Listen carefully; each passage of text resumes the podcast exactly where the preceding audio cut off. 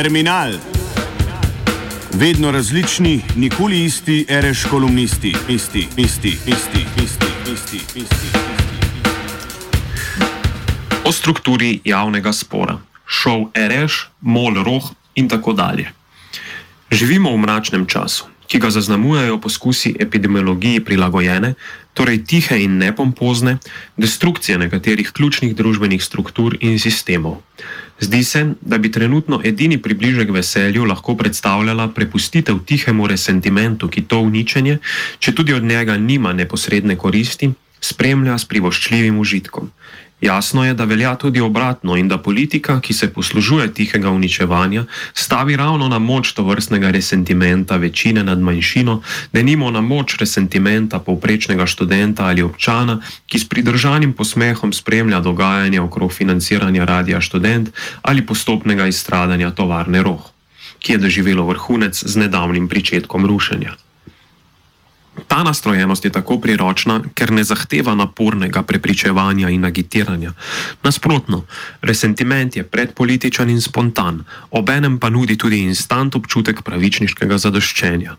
Replicira se kot virus in zažira v politične strategije sicer sorazmerno neodvisnih struktur državnih, občinskih in študentskih oblasti. Zaznamujejo ga nereflektirano obsojanje in a priorno nezanimanje, ki se kaže v spontan in nepoznam in niti nočem poznati drži.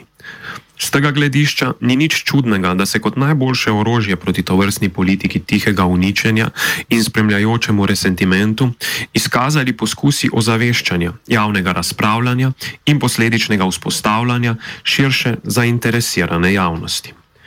V tem kontekstu je zelo zanimiva ponavljajoča se struktura političnega spora, ki sem mu bil priča v zadnjih letih, včasih kot aktivni udeleženec in včasih kot bolj obrobni podpornik.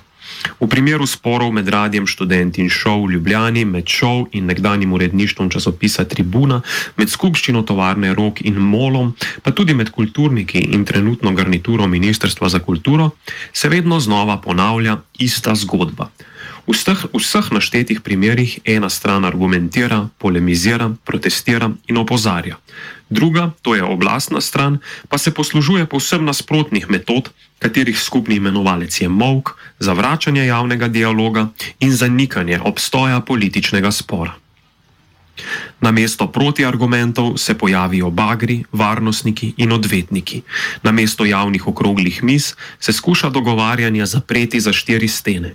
Na mesto v javni konfrontaciji oblast računa na zmago s pomočjo resentimenta nezainteresiranih in pretečenega časa, v katerem se javno vrenje poleže, pozornost pa preusmeri drugam.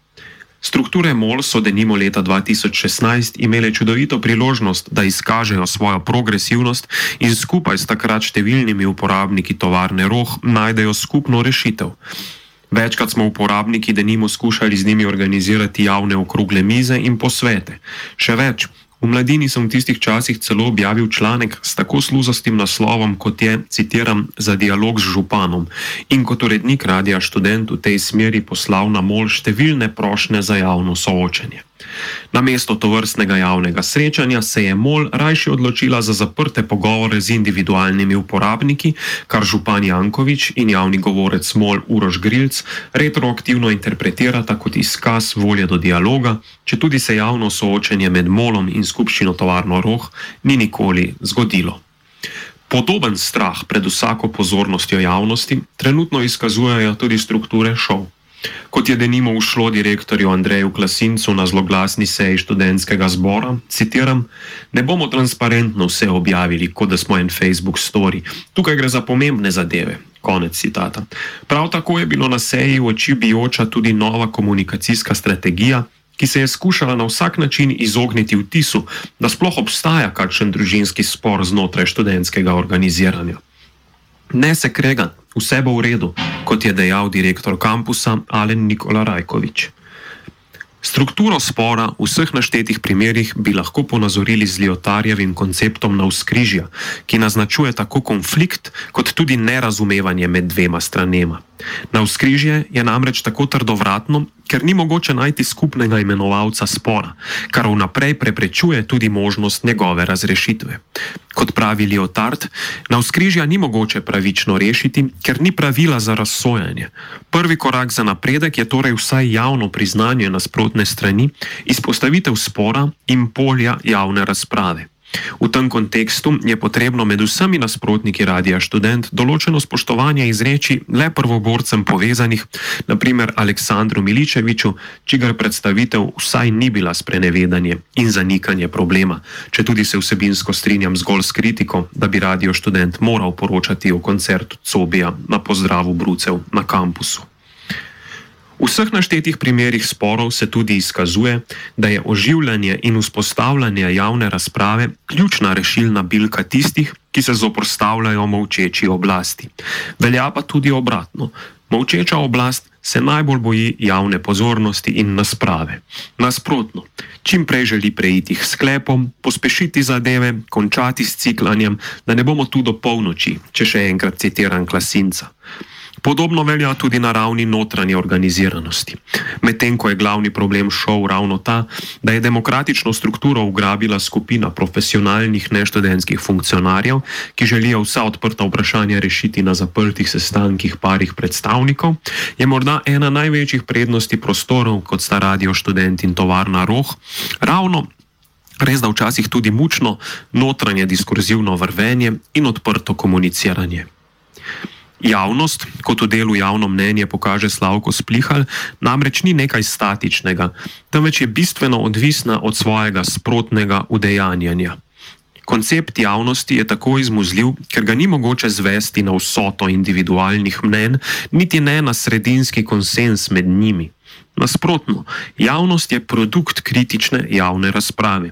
Kot je zapisal Francis Graham Wilson, javnost obstaja zato, ker obstaja razlika med vladajočimi in vladani, vladanimi in ker morajo v demokratičnih režimih prvi slednje upoštevati. Citiram: Javnost sestavljajo tisti, ki so na neki prepoznaven način zunaj skupin, ki sprejemajo odločitve oblasti političnega razreda, oziroma, če tako rečemo, zunaj tiste skupine, ki, sa, ki vsaj objavlja suverene oziroma končne odločitve. Javno mnenje zato vselej prihaja od zunaj na vznoter, od najmanj do najbolj vplivnih. Konec citata. V 90-ih letih se je morda zdelo za nekaj časa, da je koncept javnosti, kot je nakazoval tudi razvoj množičnih medijev, naraščanje mnenjskih manipulacij in volilne propagande, dokončno apropriiran strani vladajoče liberalne ideologije. Danes pa se, nasprotno, sklicevanje na javnost ponovno izkazuje kot ključno sredstvo progresivnih politik. Če je oblast namreč skušala diskurzivno vrvenje javnosti v preteklosti na različne načine nadzorovati, da nimo s prevzemanjem lastništva medijev ali s selektivnim financiranjem preko oglaševanja, se danes zdi, da velja teza Primoža Krašovca o koncu ideologije, sledeč kateri je oblast do, oblasti do določene mere vseeno za to, kaj in koliko se govori. Namesto da bi diskutirala, argumentirala in zagovarjala lastno delovanje, se zavije v mok in izvaja to, kar si je zadala. Namesto da bi skušala zmagati v javni debati, skuša poskrbeti, da ta čim prej usahne. Pred našimi očmi se, kot je predvidel Jürgen Habermas, dogaja zaton javnosti, ki ga bistveno pogojuje konsolidacija kapitalizma pogajalska mentaliteta, ki je v ozadju pluralizma konkurenčnih interesov, je namreč inherentno nagnjena k begu pred publiciteto. In če je v preteklosti javni pritisk imel moč, da je to vrstne procese vsaj deloma nadzoroval, se danes vse pogosteje zdi, da tudi najbolj radikalna razkritja raziskovalnega novinarstva, denimo afera z zaščitnimi maskami ali številne afere, v katerih se je v zadnjih letih znašla študentska organizacija, nimajo več odločitev odločilnega vpliva na politični business as usual. V tem kontekstu je morda še bolj od Janševih poskusov nadzorovanja medijev grozljivo to, da se zdi, da lahko Janša sorazmerno uspešno vlada na vkljub izraziti medijski nenaklonjenosti. Polpretekla zgodovina študentskega organiziranja je več kot le eden izmed ponazoritvenih primerov teh širših zgodovinskih premikov. Kdorkoli si je namreč že, že zamišljal današnjo strukturiranost študentske organizacije, ta temelji na relativni neodvisnosti od državnega nadzora, avtonomnosti in notranji demokratični organiziranosti, je namreč gotovo stavil na obstoj kritične študentske javnosti, ki bo zmožna študentsko organizacijo nadzorovati od spodaj na vzgor. V zadnjih dveh desetletjih pa smo bili priča nasprotnemu procesu, torej postopni razgradnji študentske javnosti, ki se ne kaže zgolj v krizi Radia Student, temveč tudi v širšem zatonu nekoč živahnega študentskega življenja ter v razrastu spefi, specifične, stereotipno japijevske, apolitične, antiintelektualne in popkulturno izjemno, izjemno konzervativne mentalitete. Študentska kritična javnost je bila, deloma načrtno in deloma spontano, reducirana na prisotno množico, ki se razpusti, ko se na kampusu konča koncert Mondrijanov. Napaka nas, kritikov, pa je bila pogosto ta, da v tem razvoju nismo razpoznali širših procesov razgradnje študentske javnosti, temveč zgolj identitetni spor med alternativo in mainstreamom. Če tudi je ta razpad študentske javnosti koristen pri določenih manevrih študentskih funkcionarjev, pa je njegov negativni stranski učinek, kot je na seji študentskega zbora opozoril Rasto Pahor, tudi upadanje volilne odeležbe in nezanimanje za študentsko politiko, zaradi česar je tudi težje legitimirati težnje po večjem finančnem financiranju študentskega organiziranja. Ključna naloga v tem trenutku je tako vzpostavljanje in vzdrževanje kritične javnosti, ki bo morda, če tudi se to sliši utopično, pripomogla k temu, da bodo tudi študentski poslanci prepoznali, da tiste sile znotraj študentskega organiziranja, ki vedno znova silijo k temu, da, zide, da zadeve potihnejo, da se glasuje anonimno, da se odločitve sprejmejo na majhnih sestankih, katerim zgolj sledi demokratični performance, pravzaprav ne delujejo v njihovem to je študentskem interesu. Terminal sem spisal Jrnej Kaluža.